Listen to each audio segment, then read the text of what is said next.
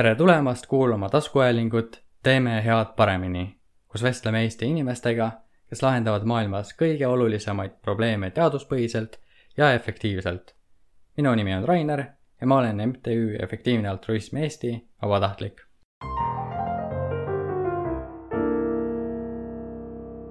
täna on mul rõõm vestelda Andri Soonega, kes on tarkvarainsener Sparkwave'is, mis tegeleb ühiskonnas oluliste probleemide lahendamisega. Lisaks sellele on Andri väga aktiivne Efektiivse Altruismi Eesti grupi liige, kus ta tegeleb nii veebilehe kui ka Anneta targalt platvormiga ning korraldab enesearengu teemalisi üritusi tänases saates on meie plaan rääkida tarkvaraarendaja karjääriteekonnast ning kogemustest suure mõjuga ettevõttes. tere, Andri! tere, tere! hea meelega kuulekski alguses, kuidas sa leidsid enda jaoks efektiivse altruismi ning kuidas otsustasid, et IT-valdkond on just sinule sobiv? Äh, ja äh, IT oli mulle juba väiksest saati väga meeldinud põhikoolis näiteks tegin ühe programmi, millega saab e-koolist kõik hinded alla tõmmata ning vaadata graafikut, mis näitab, kuidas keskmine hinne on aasta jooksul langenud äh,. siis ma tegin Tartu Ülikoolis informaatika bakalaureusekraadi ja Richard Annilo, kes on praeguse seisuga Eesti, EA Eesti juht, oli minu kursavend ja tutvustas mulle EA-d ning ma olin alati tahtnud oma eluga midagi head teha ja mulle on alati meeldinud asju optimeerida, nii et EA oli mulle väga sobilik koht. ja ma tegelikult tahtsin ülikooli ajal väga õpetajaks saada ning pärast bakalaureust läksin matemaatika, informaatika õpetaja magistrisse õppima ja gümnaasiumisse õpetajana tööle. Ja ma sain suht kohe aru, et see mulle eriti ei sobinud, et mulle meeldis ainult õpetada, aga mulle ei meeldinud õpetajaks õppida ega paljud muud asjad, mis õpetaja karjääriga kaasnevad ning sellesama aasta jooksul osalesin Eighty Thousand Hours'i karjäärinõustamisel ja leidsin, et võiks hoopis tarkvaraarendajana töötada, vähemalt algul, et koguda karjäärikapitali. ja siis sain tööle Sparkwave'i ning olen seal töötanud veidi üle aasta. väga tore ja lähmegi siis nüüd lähemalt äh, see tarkvaraarendaja töö juurde, et äh, kui sa mõtled laiemalt efektiivse altruismi peale, siis äh, mis võimalused on EAS tarkvaraarendajatel mõjusateks töökohtadeks? et kui palju neid erinevaid võimalusi on ja kui suur on see konkurents? ja tarkvaraarendajatel on suure positiivse mõju avaldamiseks kindlasti väga palju võimalusi. Et mõned aastad tagasi oli klassikaline karjääritee selline et äh, proovi võimalikult palju raha teenida ning sellest annetada nii palju, kui saad efektiivsetele organisatsioonidele. et seda kutsutakse earning to give'iks. sest äh, EA kõikidel sekkumisviisidel oli rahastuse puudus ehk rohkem oli vaja raha kui inimesi ja arendajaid. ja EA orgides nagu kõikides orgides on muidugi tarkvaraarendajaid ja IT-inimesi vaja, aga organisatsioone oli suhteliselt vähe ehk seal töötamine tähendas ilmselt väiksemat palka ja kõrgemat konkurentsi. aga viimase paari aasta jooksul võttis keegi earning to give'i natuke liiga tõsiselt ja sai miljardäriks ning lahendas paljude efektiivsete organisatsioonide rahastuse puuduse. Ja see on pigem nüüd asendunud äh, talendipuudusega ja nüüd keskendutakse pigem uute mõjusate ja kõrvale jäetud sekkumiste leidmisele ja uute organisatsioonide loomisele. ja vahepeal on tekkinud ja veel on tekkimas palju uusi organisatsioone ja organisatsioonides kipub ikka olema vaja tarkvaraarendajaid. et nüüd on siis palju rohkem võimalusi selle jaoks juurde tulnud. Äh, konkurents on ilmselt ikka väga suur, sest EA kui kommuun ka laieneb ning hea maailmavaatega tarkvaraarendajaid tuleb aina juurde. aga üldiselt on nüüd alati palju kohti, kuhu kandideerida ja muide see, et nüüd on rahastust hästi palju, ei tähenda, et enam ei peaks üldse annetama, et see on tihti järeldus, mis tehakse.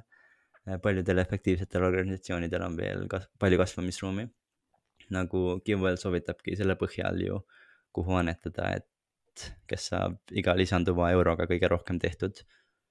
ja mõned valdkonnad nagu loomade heaolu on miljardäride poolt pigem vähem rahastatud ja seal on veel rahastuse puudus väga aktuaalne probleem pluss me ilmselt ei taha, et paar miljardäri otsustavad, kuhu kõik EA raha läheb. jah, ma just tahtsin mainida, et noh, sa ütlesid, et üks nii-öelda inimene võttis liiga tõsiselt ja sai miljardäriks, et nüüd nagu see rahaline probleem on lahendatud. aga samas jah, me ei saa ju jääda niimoodi mõnest nagu käputäiest suurest annetajast nagu sõltuma, et kas sa näed nagu seda probleemina, et siin rahastus nagu koondub rohkem nagu mingite nüüd rahastajate alla või, või see pole nii suur probleem? ei, kindlasti, ma arvan, et äh, peaks ikka probleemima pro,, proovima, kas äh, ise miljardäriks saada või niisama annetada või noh, kõik peaks annetama, et saaks ka nagu demokraatlikult rahastada olulisi organisatsioone mm. -hmm. jah, et äh, ma arvan, et siin on tore ka ära mainida see Giving what we can'i see andmislubadus, et mm. tahad paari sõnaga seda mainida Äh, jaa, see on selline lubadus, mis sa teed, et annetan edaspidi kümme protsenti, noh, vähemalt kümme protsenti oma sissetulekust efektiivsetele heategevusorganisatsioonidele.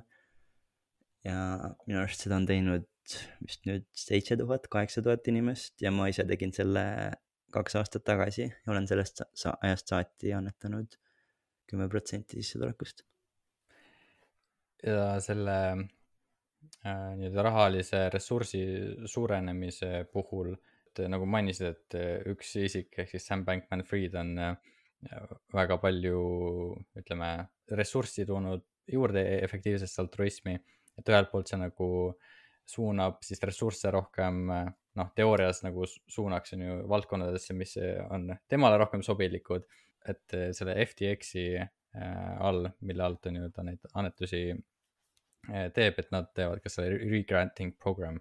ehk siis, äh, kas ma olen õigesti aru saanud, et ma ei tea, kui palju sa tead sellest, et, et nad jagavad nüüd ressurssi teistele organisatsioonidele, kes siis ise otsustavad, et, et leida neid teisi lahendusi, sekkumisi, mis vajaksid lisarahastust, et võimalikult palju mõju osutada, ehk siis nemad ise juba saavad aru, et nemad ei näe kõiki neid võimalusi heategemiseks siin maailmas, et nad juba jagavad raha nii, et edasi saaksid jagada nii-öelda selle valdkonna äh, tundjad. Ja just see regrant imise protsess on tegelikult väga ajamahukas ja nagu ühel inimesel ei ole äh, piisavalt aega, et äh, kõik raha jagada, nii et see on väga mõistlik, et jagada or eraldi organisatsioonidele, kes jagavad raha edasi. okei okay., aga ja tulles tagasi selle tarkvara arendajate teema juurde, et siis jah, üldiselt äh, ka Eestis on ju tarkvaraarendajaid äh, on väga palju vaja ka erasektoris, ehk siis äh, selle valdkonna inimestel on nagu valik, et kas minna erasektorisse, kus tõenäoliselt saavad teenida kõvasti üle keskmist palka või siis minna nii-öelda mitte erasektorisse ehk siis heategevusorganisatsioonidesse, et aidata neil areneda. et efektiivse altruismi äh, organisatsioonides, kas tarkvaraarendajad on pigem sellised taustajõud, et aitavad teha näiteks veebilehti, hoiustavad andmeid, sellist operatiivset tööd või on ka neid, kes loovad selliseid mingeid konkreetseid lahendusi, millel on omaette positiivne mõju äh, nii-öelda otse sellest tootest või lahendusest, mida nad loovad ja no veebilehte on igal organisatsioonil vaja, kuid neid on lihtne väljaspoolt tellida ja eraldi arendajat selleks palkama ei pea. aga tavaliselt on orgide sees rohkem asju, mida peab tegema, näiteks äh, CEA, Center for Effective Altruism. Neil on äh, arendustiim, kes tegeleb teiste asjade kõrval EA Foorumi kallal hästi palju. ja minu teada nad proovivad seda täiendada, et kõiki EA inimesi ühendavaks platvormiks teha. Et siis sinna need EA Hubi funktsionaalsed juurde liita ja Give Directly näiteks, neil on tarkvara, millega nad leiavad abi vajavaid inimesi ja saadavad neile raha. We Can'il, nagu me mainisime, neil on väga võimas annetusplatvorm, kus sa saad annetada läbi nende paljudele organisatsioonidele ja jälgida, kas sa ikka täidad oma andmislubadust. ja Euroopas ka on palju muid annetusplatvorme, mis koguvad annetusi efektiivsetele heategevustele. oma riigi rahvalt siis.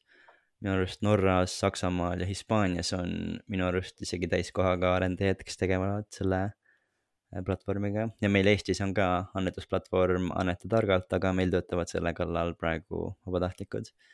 ja ühes äh, Eesti efektiivse heategevusorganisatsioonis Nähtamatud Loomad on ka arendustiim, aga minu teada seal on ka veel kõik vabatahtlikud ja arendajad tihti ei taha teha sellist sisemist IT-tööd mingid organisatsioonis, vaid pigem tahavad töötada kuskil startup'is arendajana, kus tehakse huvitavaid asju. Äh, ja muidugi on ka palju huvitavaid EA projekte, kus saab huvitavat tarkvara kirjutada. Mm, tehisintellekti ohutus on EA-s, ma ütleks, et kõige olulisem teema praegu. Äh, ma ise pole selles valdkonnas väga kogenud, aga minu arusaamist mööda see ei koosne ainult matemaatikutest ja teadlastest Äh, vaid ka paljudest inseneridest. üks Lessrongi postitus pealkirjaga ai safety needs great engineers näiteks mainib, et paljud, kes tehisintellekti kallal töötavad, ongi just tarkvarainsenerid ja et nemad on need, kes loovad tarkvara, mille abil saavad teadlased üldse katseid teha. Ja see mainib ka, et kui sa suudad paari nädalaga mingi masinõppe raamistiku koodi arendamisel kaasa lüüa ehk ühe eduka pull request'i kirjutada, siis tehisintellekti ohutuse laborid otsivad sind nüüd ja praegu. Ja üks teine EIA Foorumi postitus mainib, et näiteks Anthropic ja Redwood Research tahab palgata tugevaid arendajaid isegi siis, kui neil on null kogemust masinõppega ja tehisintellekti ohutusega ja see postitus kannab pealkirja Software developers how to have impact a software career guide. ja seal on väga palju muid soovitusi ja tarkvara arendamisega seoses, aga soovitan seda lugeda. et saame selle lingi panna, ma arvan, saate kirjeldusse, kui sul on see olemas. jaa, kindlasti. Äh, üks valdkond, mis võib tunduda veits ebaintuitiivne, on sõjaväes töötamine et äh, sõjaväes on suht lineaarne karjääriredel, et kui piisavalt kaua töötad, võid jõuda väga kõrgele ja omada väga suurt ja olulist mõju. et on võimalik, et kui aitad kaasa autonoomsete relvade loomisele, siis teed kindlaks, et kui neid valmistatakse, siis ohutult. ja saad aidata kaasa näiteks küberturbega ja kindlustada, et demokraatlikud riigid jäävad püsima küberrünnakute tagajärjel. Küberturbest polengi veel eriti rääkinud, see on ka paljudes organisatsioonides väga olulisel kohal ja Eighty Thousand Hoursil on see isegi minu teada üks olulisematest valdkondadest tehisintellekti ohutuse kõrval. ja see pole päris tarkvaraarendus, aga oskuste ühisosa on, ma ütleks, et päris suur. nii et kui meeldib häkkimine ja crack imine, siis soovitan seda karjääriteed uurida. mis seal äh, täpsemalt see küberturve äh, endast nagu kujutab, et kas see on siis mingite andmete kaitsmine mingite süsteemide loomine, et keegi võõras ei saaks eh, millelegi ligi, et eh, mis endast kujutab? ja ma, see pole päris minu valdkond, aga ja pead tegema kindlaks, et süsteemid on sellised, kuhu eh, võõrad ei pääse ligi ja et kõik andmed oleks kaitstud.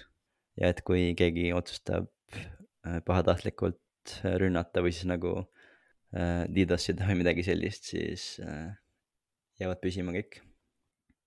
Et siis, kui keegi tahab küberturvalisuses võimalikult suurt mõju omada, siis tasub valida need kõige olulisemad andmed, mis vajavad äh, kõige rohkem, on ju, kaitsmist näiteks ja siis äh, proovida, on ju, selles suunas liikuda.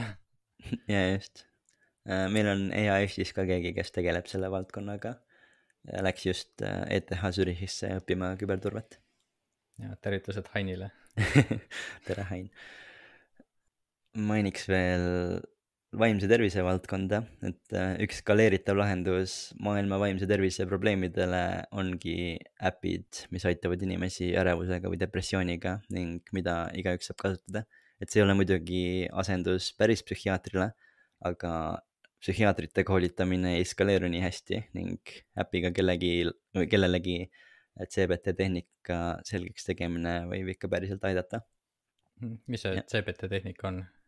Uh, cognitive behavioral therapy mm.. Uh, jah, ja ma ise töötan ka kaudselt selles valdkonnas tarkvaraarendajana. ja neid erinevaid võimalusi, kus tarkvaraprojektidega head teha, on muidugi tohutult palju. Eighty thousand hours'il on selline tööpakkumiste nimekiri, kus saad filtreerida pakkumised inseneridele ning seal on tavaliselt kümneid, kui mitte sadu avatud tööpakkumisi ja seal võib olla ka pakkumisi, mis ei ole mingis EA organisatsioonis, aga seal töötamine annaks sulle karjäärikapitali, et sul oleks võim-, et sul oleks lihtsam kandideerida EA positsioonidele.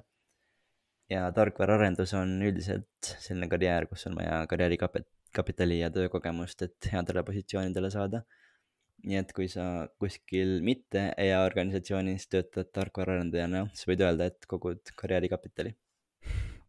aga kui sa juba kuskil töötad, siis on ka võimalusi, kuidas praeguse töökohaga positiivset mõju avaldada. sellega tegeleb äh, High Impact Professionals ning neil on gruppe igasuguste valdkondade kohta, kaasa arvatud siis tarkvaraarendajad. Nad arutavad näiteks, kuidas enda organisatsioonis mitte halba mõju ühiskonnale avaldada või kuidas rääkida töökaaslastele näiteks EA-st ja EA tarkvaraarendajate jaoks on tehtud üks äh, Facebooki grupp, kaks Discordi serverit, kolm Slacki ja veel mingeid kommuune. Neid võiks ka jagada, sel suvel tehti üks uudiskiri EA tarkvaraarendajatele ja seal on nimekiri neist kõigist. me saaks äkki selle panna ka episoodi kirjeldusse. ja, kindlasti saame. nii et tundub, et päris palju võimalusi nii-öelda leida teisi inimesi, kes on sarnasest äh, nagu valdkonnas huvitatud EA-siseselt, et kellega tutvusi luua. jaa, absoluutselt. sa mainisid nii-öelda karjäärikapitali kogumist siis läbi teiste projektidega, teiste projektide, mis ei ole otseselt äh, nagu EA sees mm. -hmm. et äh, sa mainisid siin saate alguses e-koolist hinnete allalaadimist, et kas sa juba tol ajal äh, tegelesid karjäärikapitali kogumisega, et, äh, et hiljem äh, selles valdkonnas head teha? no ma siis vist ei olnud kuulnud sellist sõna nagu karjäärikapital. noh, ilma seda teadmata juba tegelesid sellega yeah.. nii, ma püüan nüüd kokku võtta nüüd laias laastus, et mis on need erinevad võimalused tarkvaraarendajatel, et sa võid niimoodi vabalt vahepeal sisse segada ja midagi lisada mm. -hmm. et et äh, alustaks sellega, et äh, ütleme, sellised operatiivsed äh, ülesanded või nagu sa ütlesid, et igal organisatsioonil on vaja veebilehte äh,, mingeid süst-, IT-süsteeme, kuidas nad äh, toimivad. et äh, see on nagu selline üks võimalus panustamiseks ja sageli väiksematel organisatsioonidel vähemalt tundub, et äh, üsna palju saab nagu vabatahtlikus vormis või vabatahtlikud teevad selliseid ülesandeid mm. -hmm siis. see vabatahtlikuks olemine on ka hea viis, kuidas karjäärikapitali koguda. just, just, et olen ka paljusid äh, nüüd noori kohanud, et kes tahavad äh, oma karjääriga head teha ja siis nad alustavadki vabatahtliku, vabatahtlikena mingites suure mõjuga organisatsioonides. nii, aga siis liikudes sealt edasi, et siis juba sellised äh, nagu lahendused, mis lubavad inimestel head teha, et näiteks Giving What We Can'i veebiplatvorm, mis võimaldab inimestel jälgida neid annetusi, teha neid andmislubadusi. et siis seal juba konkreetselt selle platvormi loomine nagu tarkvaraarendajana on selline üsna keskne roll, et seda positiivset mõju omada. jah, ja siis kolmandaks selline, ähm, kui tehisintellekti turvalisus pakub huvi ja tehisintellektiga seotud riskid siis otseselt äh, selle kallal töötamine tehisintellekti laborites, nagu sa ütlesid mm. -hmm. et siis äh, töötada välja, kas nad siis tegelevad otseselt selle tehisintellekti arendamisega turvaliselt või nad aitavad turvalisuse elemente luua, et teised organisatsioonid, kes loovad tehisintellekti, et nemad saaksid neid kasutada. kas oskad selle kohta midagi kommenteerida, et sa noh mainisid, et sa ei ole päris selles valdkonnas sees, aga ja, ja ma ütleks äh, mõlemat. Äh, üks näide, mida nad teevad, mida ma olen kuulnud, on see, et nad proovivad luua siis närvivõrke või äh, ennustajaid, mis kunagi ei eksi, vaid nagu võivad olla näiteks mingi kakskümmend protsenti tõenäosusega nagu korrektsed, aga või anda mingeid mõistlikke vastuseid, aga et kunagi ei oleks selliseid asju, mis annaks nagu false positive või false negative. okei okay. uh,, nüüd laias laastus, kas jäi midagi sellist olulist äh, mul mainimata uh,? sõjavägi.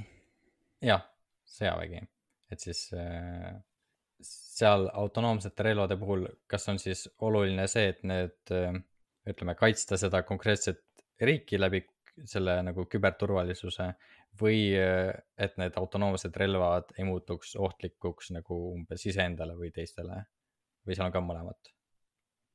Äh, ja mõlemat, et äh, kui sa jõuad mõjusale positsioonile, siis on palju võimalusi, kuidas siis äh, kas head teha või, või noh, pigem peatuda halval juhtumast.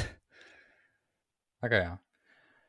jah, sa veidi juba mainisid, et, et karjäärikapital on väga oluline ja selleks sobib kas siis efektiivse altruismi väliselt mõnest ettevõttes oskuste kogumine, nende saamine või siis vabatahtlikus vormis panustamine.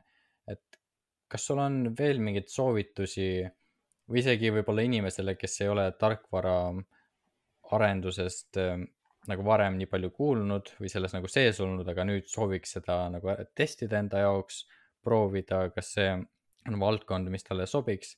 et mis võimalused on äh, veel sellesse valdkonda sisenemiseks või mida sa soovitaksid kõigepealt teha või mida lugeda, uurida?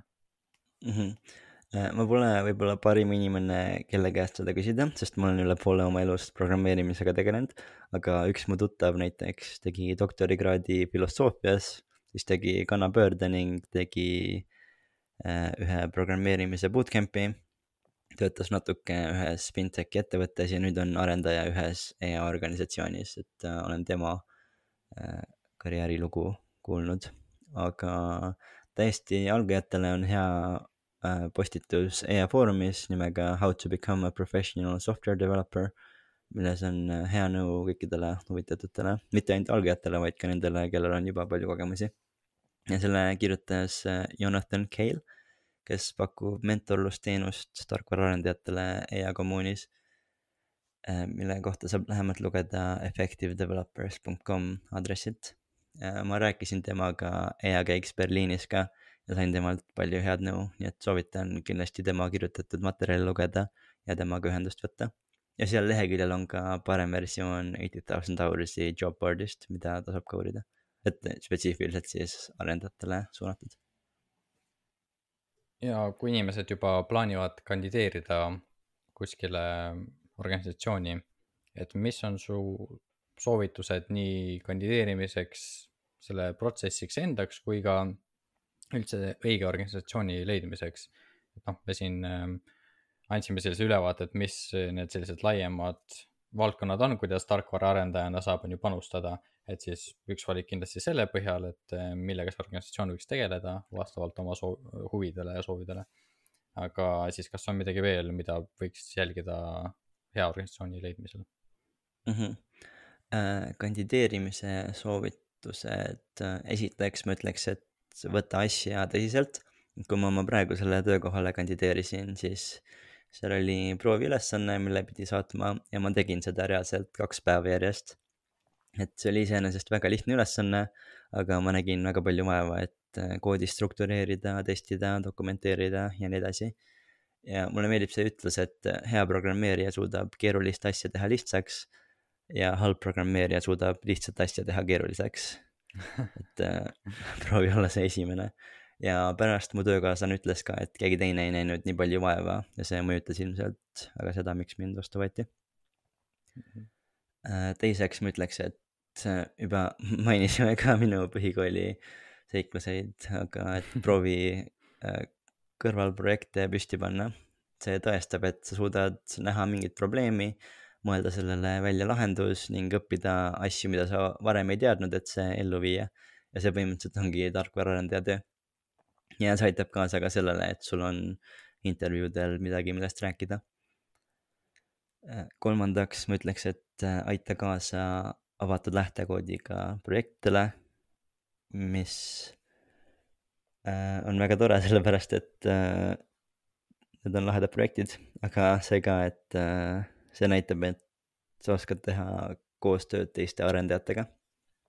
ja neljandaks ma ütleks, et sihi kõrgele. Et kui ma algul SparkWebi kandideerisin, siis ma arvasin, et, et oleks tore küll jah, aga sinna ma kindlasti ei saa, sest mul ei ole peaaegu üldse töökogemusi arendajana. nagu come on, see on eighty thousand hours'i job board'is ja sinna kindlasti kandideerivad mingid 10X-erid. aga kandideerisin ikka ja sain tööle jah, kas tuleb viies ka? viiendat ei tule, aga selle äh, õige organisatsiooni leidmiseks paar soovitust, et äh, lihtsalt mõtle, millised valdkonnad on sinu jaoks kõige olulisemad ja kandideeri sinna, kuhu saad, nagu igale poole, kuhu sa saad. ja intervjuude käigus saad ilmselt aru, et kui, kui see sulle ei sobi ja kui ei saa, siis saad targemaks ja töökohta saab alati vahetada. aga põhimõtteliselt proovi erinevaid asju. et võib-olla saad teha enne intervjuud äh, üks-ühele vestlust arendajaga. EA Globalitel on alati palju inimesi erinevatest organisatsioonidest ja seal saab teha üks-ühele vestlusi kõigiga ja küsida, kuidas seal on töötada. jah, kui kedagi huvitab äh, lähemalt see veel kuulda mõtteid äh, tööle kandideerimise osas, siis äh, ühes eelmistest osadest Risto Uukiga, temaga räägi-, rääkisime üsna põhjalikult, et tema kandideeris ka väga paljudesse kohtadesse, enne kui sai sinna, kus ta praegu töötab. ning alati see, et äh, kui ei valita äh, sinna kui sinna tööle, siis see ei tähenda alati negatiivset tulemust, vaid äh, sageli sa võid jätta ka mingi positiivse nii-öelda märgi sinna maha ja hiljem võetakse ühendust ja tahetakse sind hoopis mingile teisele positsioonile. et selles äh, mõttes alati tasub erinevatesse kohtadesse kandideerida ja, ja jah, inimestega suhelda.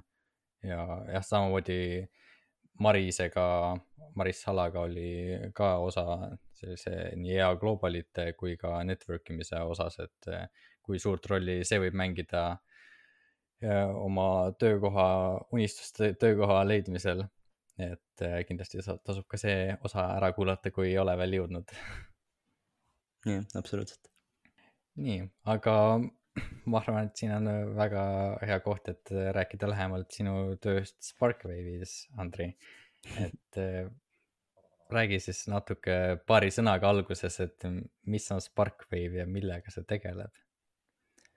Äh, nii, Sparkwave on nii-öelda idufirmade vabrik ehk siis startup foundry, millel on palju erinevaid projekte, mis proovivad lahendada olulisi ühiskonna probleeme teaduslikult. Projektid alustavad Sparkwave'i alt ning kui saavad valmis launch imiseks, siis palgatakse tegevjuht ning sellest tehakse eraldi ettevõte.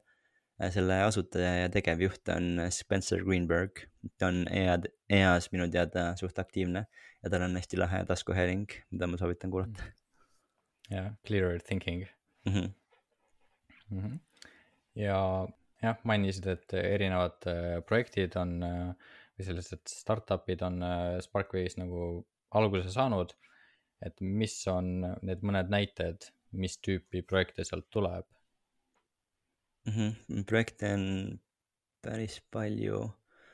üks on näiteks äpp nimega Mindease, mis aitab ärevusprobleemidega.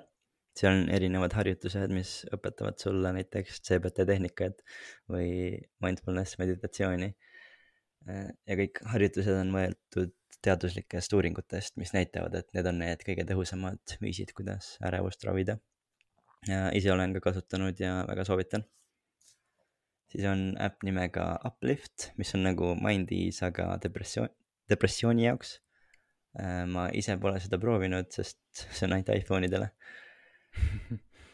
see on lehekülg nimega Clear Thinking, mis pakub palju häid tasuta tööriistu ja minikursuseid, mis õpetavad viise, kuidas paremini mõelda ja probleeme lahendada. see on äpp nimega Positly, mis aitab uuringutele osalejaid värvata see on äpp nimega Thoughtsaver, mis aitab teadmisi salvestada ja neid meelde tuletada. et samasuguseid äppe on küll palju, aga ma ise kasutan, või noh, ma ise kasutan Ankit selle jaoks hoopis. Aga Thoughtsaveris on palju huvitavaid ette tehtud kaardipakke nagu Dodge Life's Dangers ja Common Misconceptions, mida mulle meeldib aeg-ajalt sirvida. ja viimasena mainiksin veel seda projekti, mille kallal mina töötan, mis on siis Guided Track see on programmeerimiskeel, millega saab lihtsasti luua interaktiivseid programme või küsimustikke. sellega on hästi lihtne küsida erinevaid sorti küsimusi, suunata kasutajat vastavalt vastustele, lisada skoori, skoori juurde, kui vastatakse õigesti. sellega saab töödelda andmeid, saata email'e ja nii edasi.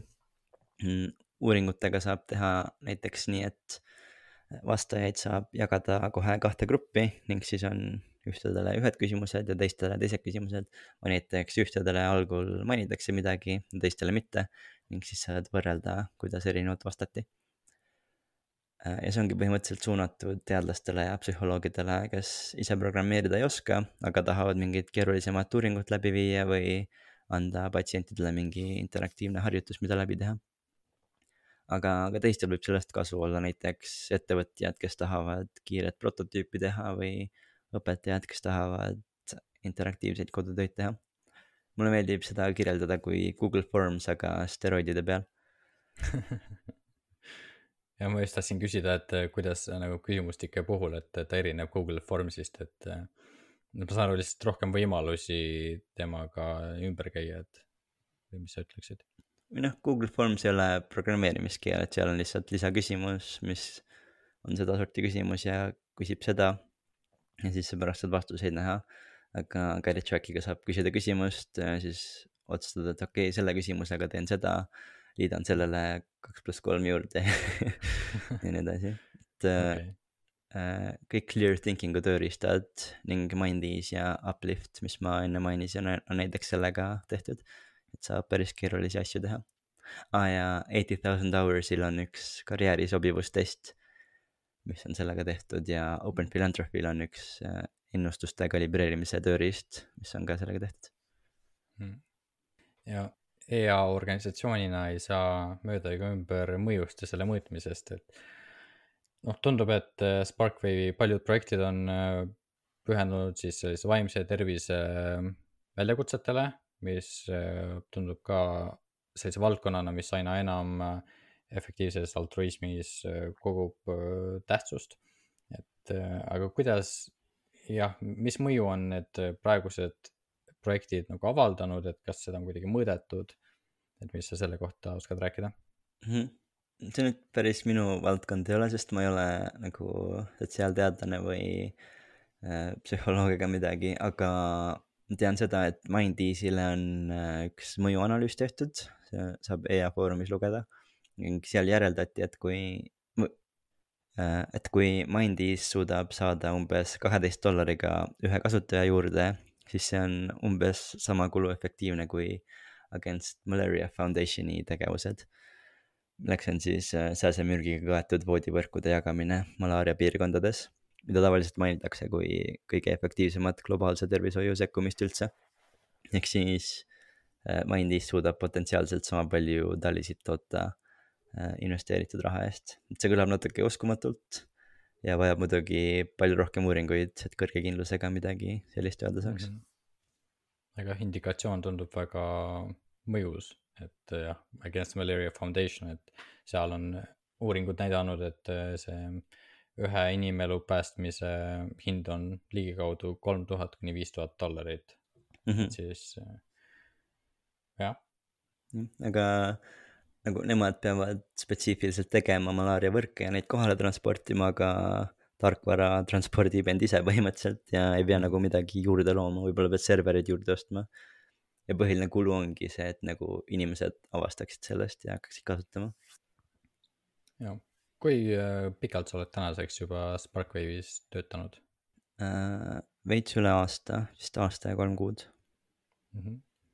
ja see on siis kõik äh, et kas sa oled oma tiimiga kohtunud näost näkku ka või on see kõik olnud äh, niimoodi kaugtöö vormis, et et sa paikned äh, Tartus praegusel ajal äh, kõik Sparkwave'i töötajad on kaugtöölised ehk mingit äh, kontorit ei ole ja kõik on üle maailma laiali.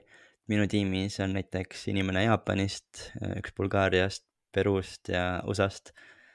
et koosolekuid saab ainult ühel kellaajal korraldada, kui Ameerika inimestel on väga vara ja Jaapani omal on väga hilja no õnneks on meil ainult. Äh, täpselt päev on sinul siis? jaa, kell neli minu jaoks on see päev.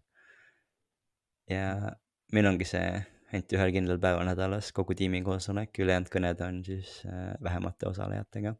aga ma kohtunud näost näkku veel ei ole, aga meil on plaanis teha mingi väljalend kas kuskile soojale maale talvel või siis äh, äh, EAG-l kokku saada, et praegu on juttu, et järgmine aasta võiks Londonis kokku saada, võib-olla teha isegi mingi Guided Tracki töötuba mm..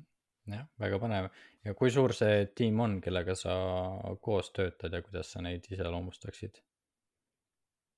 Äh, see ongi umbes äh, viis inimest, et äh, arendajaid on neli.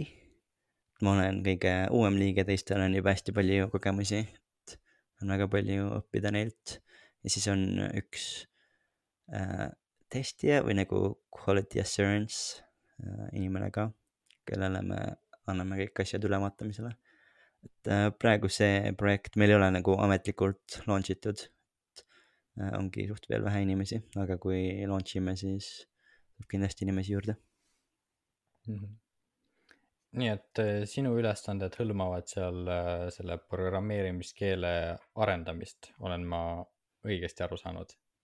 Äh, just, et ma töötan täielikult Guided kallal, et mul tihti küsitakse, et aga kas sa töötad äh, kõikide projektide kallal või nagu vahetad tihti, aga ei, ma olen ainult Guided kallal töötanud. ja ülesanded on suht seinast seina full stack arendamine, et olen näiteks lisanud keelele uusi funktsionaalsuseid, olen töötanud palju selle editori ja debuggeri kallal. et kui kodulehele minna ja suurele nupule vajutada, siis sind viiakse demo juurde mille kallal ma ka vaeva nägin mm. -hmm.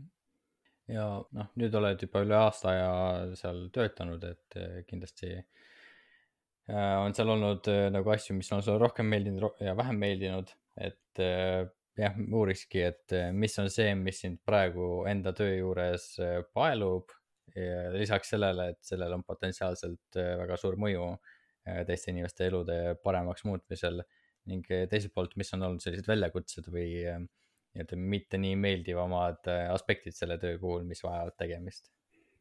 jaa, väga hea küsimus mulle meeldib väga see, et väga mõnus töökeskkond on.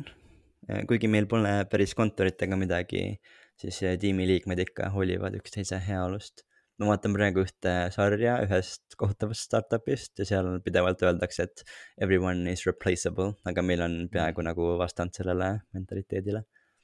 ja tööle kandideerimisel oli ka hästi lahe see, et intervjuude eest makstakse tunnihinda, kui tööle ei saa, et aega kompenseerida.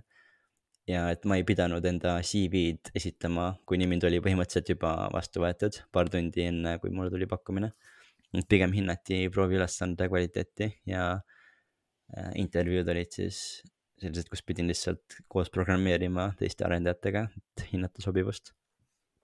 meeldib veel see, et mul on väga kogenud ja võimekad tiimikaaslased, äh, nagu ma juba mainisin, kes on mulle justkui mentorid. et iga kord, kui ma koodi üles lükkan, saan palju ausat tagasisidet, et mis on halb ja mida peaks ümber tegema see on vahepeal natuke demotiveeriv, et ma olen nii kaua sellega tegelenud ja ikka veel teen nii palju vigu. aga see on tegelikult parim viis, kuidas areneda ja ma olen väga tänulik, et mul on selline lühike feedback loop. et tihti, kui töötad kuskil üksi organisatsioonis IT-juhina, siis äh, sellist asja ei ole. muidugi saad effectivedevelopers.com coaching ut alati teha, kui vaja äh, üks lahe asi on see veel, et meil on Gather Townis ühel päeval nädalas koos töötamine kus teeme Pomodorosid ja pauside ajal räägime juttu.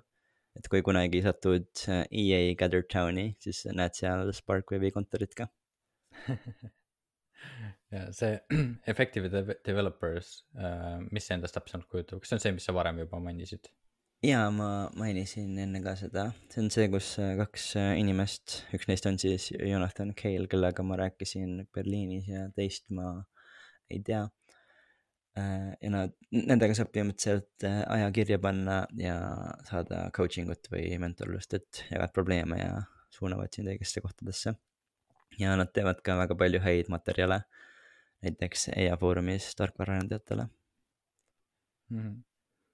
Ka, kas enne seda, kui sa Sparkwave'i kandideerisid, kas juba oli sul aimdus, et milline see nagu sisekliima seal äh, ettevõttes on või see tuli juba nagu hiljem, et et jah, ütleme nii, küll teistmoodi küsides, et kui palju peaksid inimesed enne juba uurima, kui hea töökeskkond seal ettevõttes on äh, enne kandideerimist või nad peaks lihtsalt kandideerima ja siis vaatama, mis saab?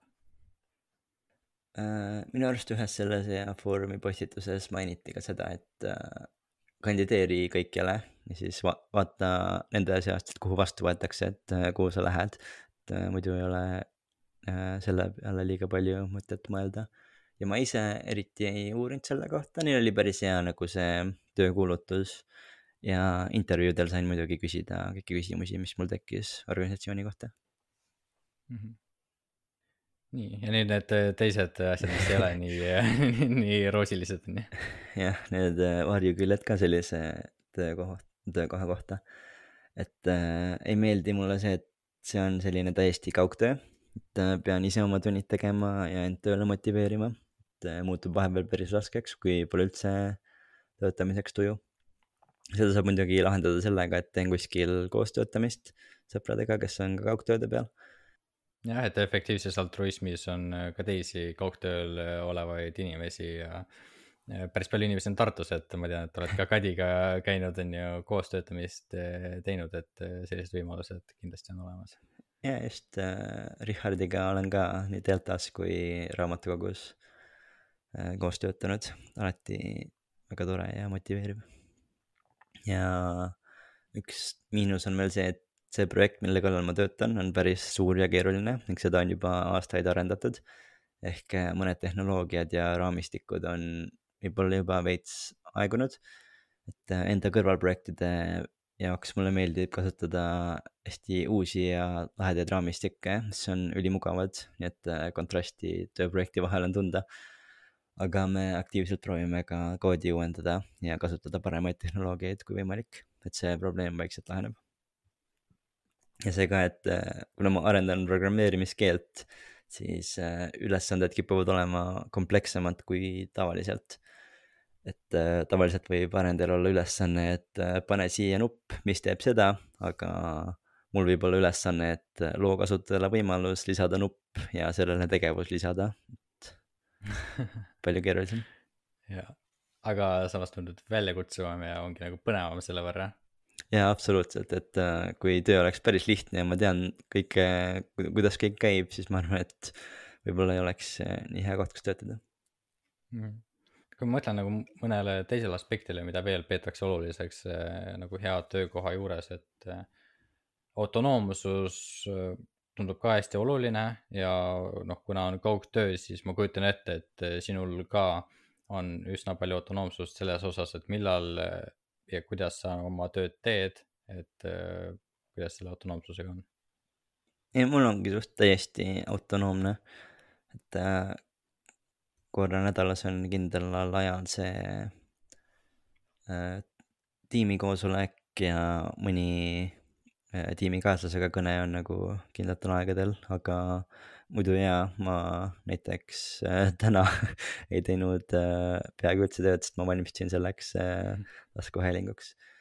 et äh, vahepeal tuleb siukseid päevi ette ja üldiselt probleeme ei teki sellest, kuigi endal tekib muidugi halb äh,, äh, halb olla, et äh, ei teinud nii palju tööd, kui oleks saanud teha mm. -hmm noh, loodame, et eh, siis selle võrra kuulajad eh, leiavad siin eh, rohkem väärtust sellest taskuhäälingust.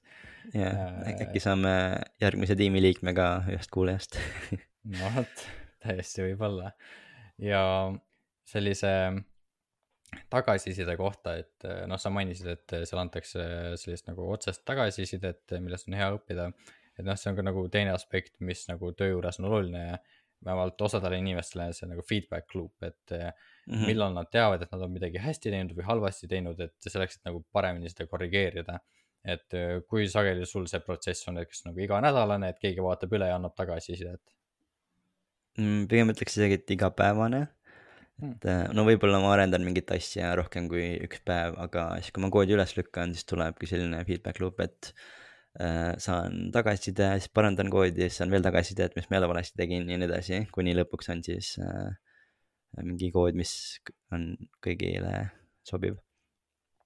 aga kui sa töötad näiteks mingi äh, uurijana või teadlasena ja teed mingi uuringuid, siis minu arust seal on selline äh, kurikuulus aeglane feedback loop, et äh, kirjutad uurimuse valmis ja siis äh, kaitsmine on alles äh, mingi aasta pärast ja saad alles siis teada, mis valesti läks, muidugi saad juhendajaga vestelda, aga et äh, programmeerimises on väga mõnus äh, feedback loop. ja jah, kui selline praktiline väljund nagu äh, nende teiste organisatsioonide näol, inimeste näol, kes seda nagu kasutavad, seda teenust või seda lahendust, siis nendelt saab ka kindlasti kiiremini kui aastaga mingit tagasisidet juba, et mida paremaks teha jaa, absoluutselt, meil on isegi tulnud äh, kiri kasutajalt, kui ma nagu mingi äh, asja või uue funktsionaalsuse lisasin, siis tuli kiri kasutajalt, et äh, talle väga meeldib see ja see oli väga motiveeriv mm. -hmm, väga tore ähm,.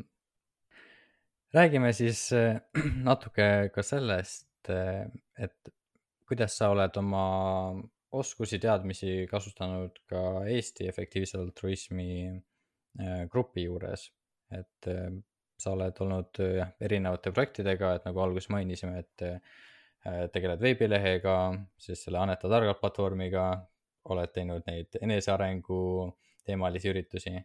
et äh, alustaks äkki veebilehest äh,. et äh, mi, kuidas, mida sa selle puhul täpsemalt teed mm,? jah, ma esiteks tegelesin selle nagu püstipanemisega, disainimisega, ehitamisega. ja nüüd tegelen siis haldamise ja uuendamisega, iga kord, kui on vaja mingi uus leht püsti panna, siis mina teen seda, on vaja midagi muuta, siis äh, mina teen ja nii edasi. vahepeal teen ka graafilist disaini.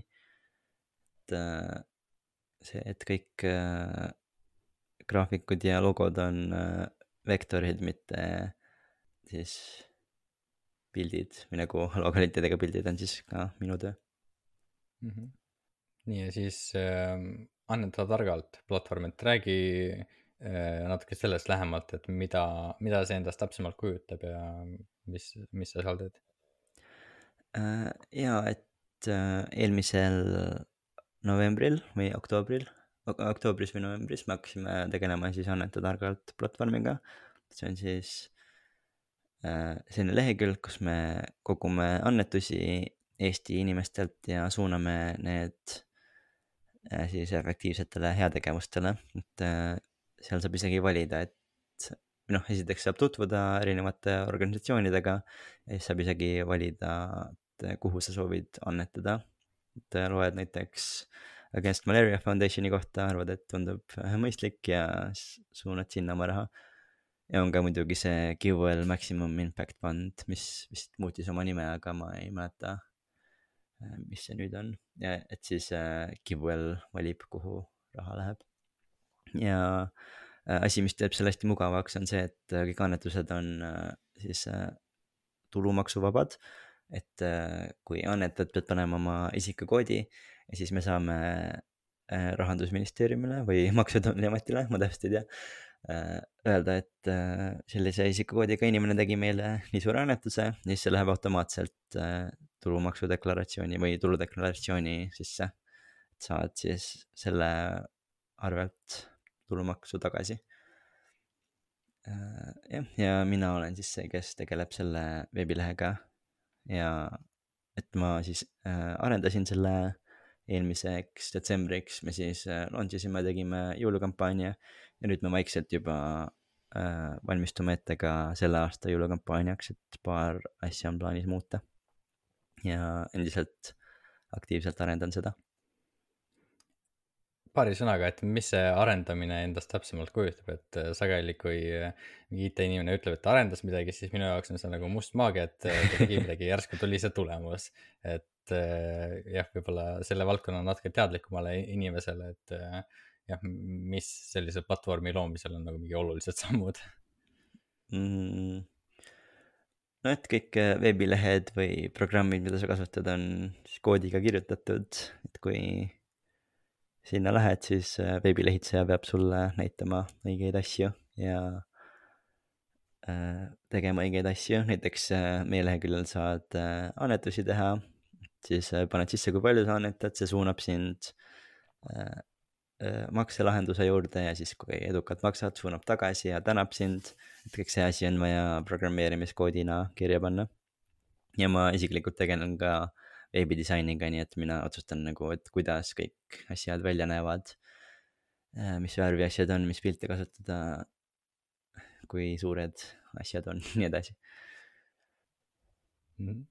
jaa, väga tore, et noh lisaks oled äh, EAS-is aidanud läbi viia ka seda lühikursust, mis on äh, nüüd äh, kohe alustamas ka järgmine selline grupp inimesi.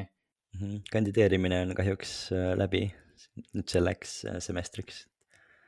veebruaris vist toimub uus.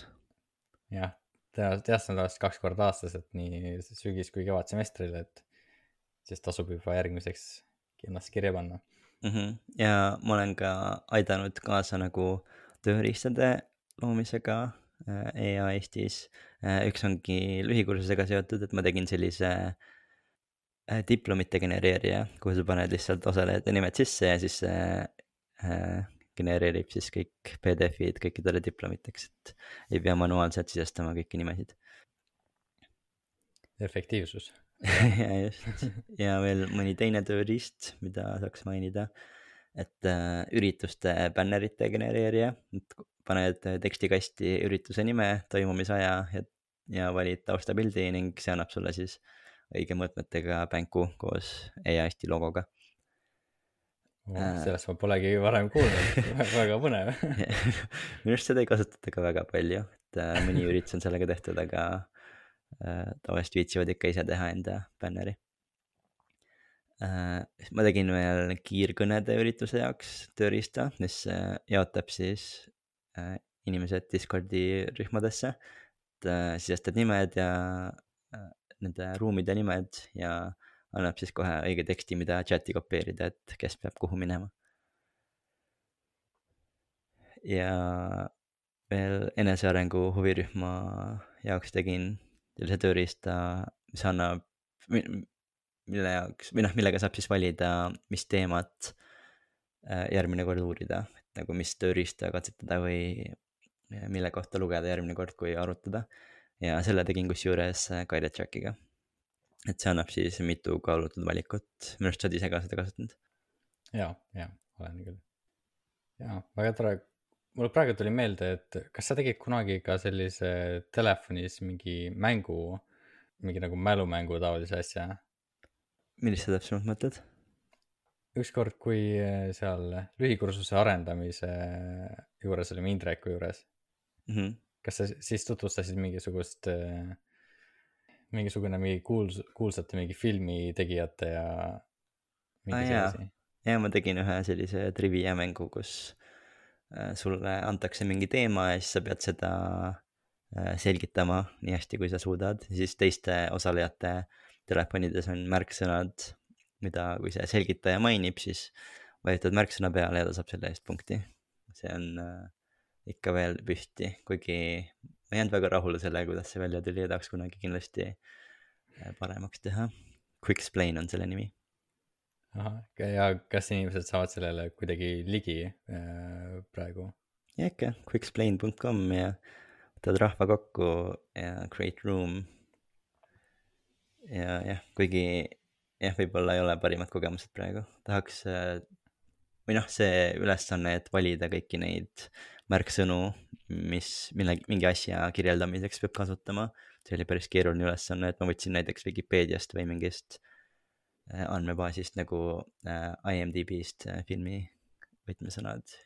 mõtlesin, et äkki võiks kuidagi tehisintellektiga teha seda, et GPT-3 ütleb, mis on parimad võtmesõnad mingi asja kirjeldamiseks, aga see on ja veel idee faasis. noh, ma arvan, et see läheb sinna toredate projektide kategooriasse, nagu oli ka see e-koolis sinnete alla tõmbamise rakendus.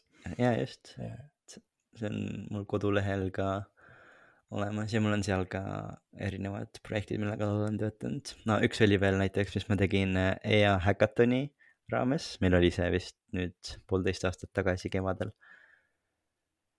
et äh, seal siis saad valida, või noh, see on seotud äh, kaugtulevikuga, saad valida ühe äh, valdkonna nagu tehisintellekt või bioriskid või kliima soojenemine ja siis Äh, seal Precipice'i raamatus Toby Ord tõi välja erinevad tõenäosused, mis on nende juhtumised või mis tõenäosusega need juhtuvad. siis sul tuleb sinna ratas, et saad vajutada nupule, et keeruta ratast. ja äh, siis äh, see väike sektor tõenäosusega on siis see, et kui äh, see ring selle peale maandub, siis äh, kõik surevad välja et, et jah, see võidusektor on siis seda suurem või väiksem äh, vastavalt sellele, noh, nii-öelda võidusektor, et kas see risk on nagu siis suurem või väiksem, on ju? jaa, minu arust tehisintellekti ta ütles, et kümne protsendi tõenäosusega selle sajandi jooksul siis lõpetab meie või noh, inimkonna eksistentsi siis kui seda ratast keerutad, siis võib-olla paneb mõtlema, et kui tõsine see on, kas ikka tahad riskida inimkonnaga või peaks ikka tegelema selle valdkonnaga. Ja, ja mis aadressil selle toreda tööriista leiab? Äh, see on Wheel of Existential Risk, ma ei tea, kas seda Google'ist leiab, aga minu leheküljel on see ka olemas, andri.io kaldkriips kaks siis V O E R, äkki saame ka panna kirjeldusse. ja kindlasti paneme. Äh, jaa. Väga paljudes projektides oled kaasa löönud ja tulles tagasi niimoodi EA äh, Eesti juurde, kas sa näed, et äh, praegu on vajadus mingiks lisaabiks nagu tarkvaraarendaja näol vabatahtlikena või kasvõi Sparkwave'is, et, et, et selles mõttes noh, te olete küll nagu ettevõte, et ma palju, tean, et paljud EA organisatsioonid võtavad vabatahtlikke, et jah, nad saaksid seal kuidagi panustada ja siis õppida uusi äh, asju tegema. et kas Sparkwave on kunagi pakkunud, plaanib tulevikus mingeid vabatahtlikke positsioone pakkuda äh, või siis ka nüüd olete te otsimas mingeid töötajaid?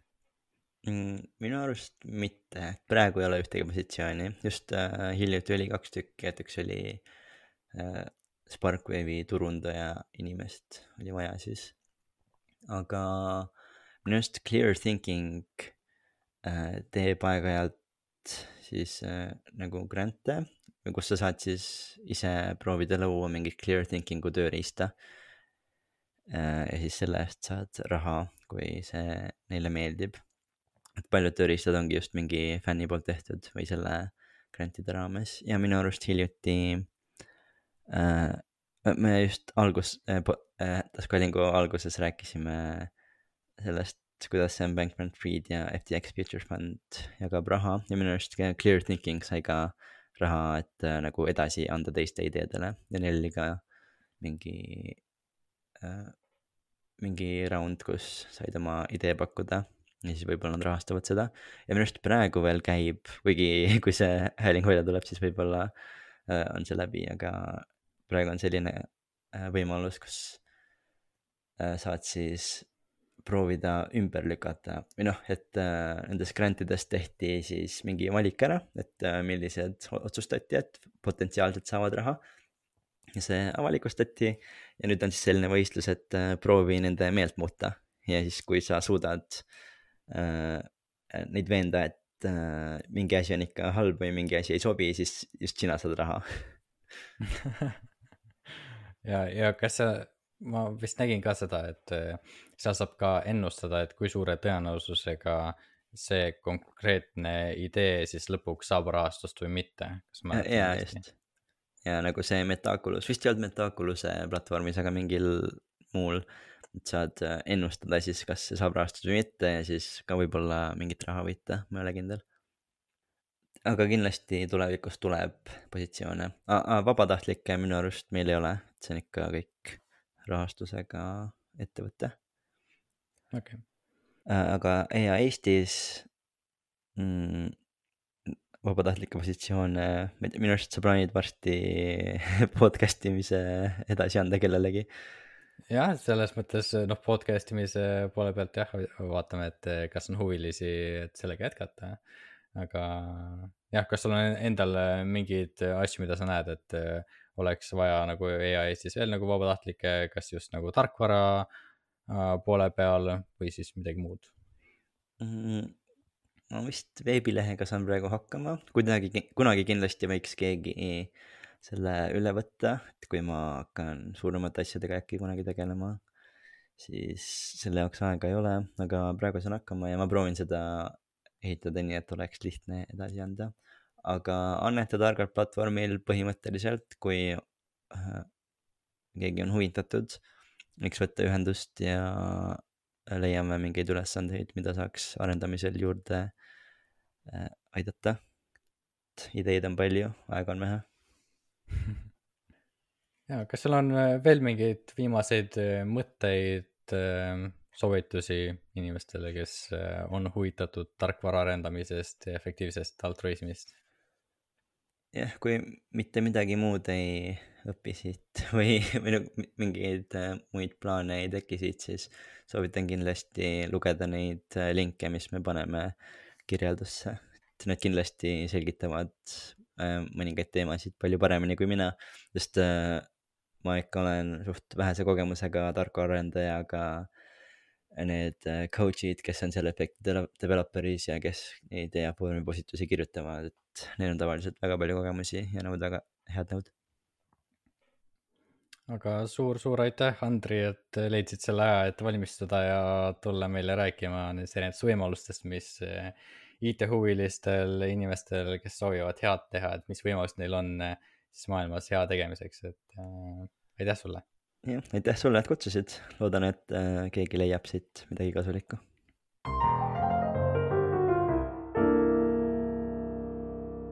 Nagu ikka, on meil varuks ka mõned efektiivse altruismiga seotud uudised esiteks, nüüd saab ennast registreerida introseminarile nimega Effective Altruism Introductory Seminar Program, mis on kuuenädalane kursus, mille eesmärk on aidata mõelda, kuidas maailma positiivselt mõjutada. selle jooksul toimuvad vestlusrühmad viie teise osaleja ning ühe moderaatoriga. igal nädalal loed uue teema kohta ning kohtud oma vestlusrühmaga, et loetu üle arutleda lisaks toimuvad sotsiaalsed üritused, mille käigus saad tutvuda teiste programmis osalejatega loe rohkem saate kirjelduses oleva lingi kaudu. teine programm, mida soovitame, on AGI Safety Fundamentals Program, mis tutvustab seitse nädalat kestvate lugemiste ja rühmaarutelude kaudu tehisintellekti ohutuse põhimõisteid ning mõningaid valdkonna kõige huvitavamaid ja olulisemaid probleeme. osalejad kohtuvad kord nädalas väikestes arutelurühmades, et koos loetu üle mõelda. programmi lõpus on sul võimalus teha lõpp-projekt arutelud kestavad tund aega, seega kokku on ajakulu nädalas kolm tundi. pane end kirja kirjelduses oleva lingi kaudu. ning viimaks, nüüdsest on Youtube'is nähtaval salvestused rahvusvahelisest loomade õiguste konverentsist CARE, mis toimus augustis Varssavis. konverentsil oli palju nimekaid kõnelejaid, muu, muuhulgas Peter Singer ja Tobias Lennart, kes arutlesid selle üle, kuidas kõige tõhusamalt vähendada farmiloomade kannatusi link videotele on saate kirjelduses.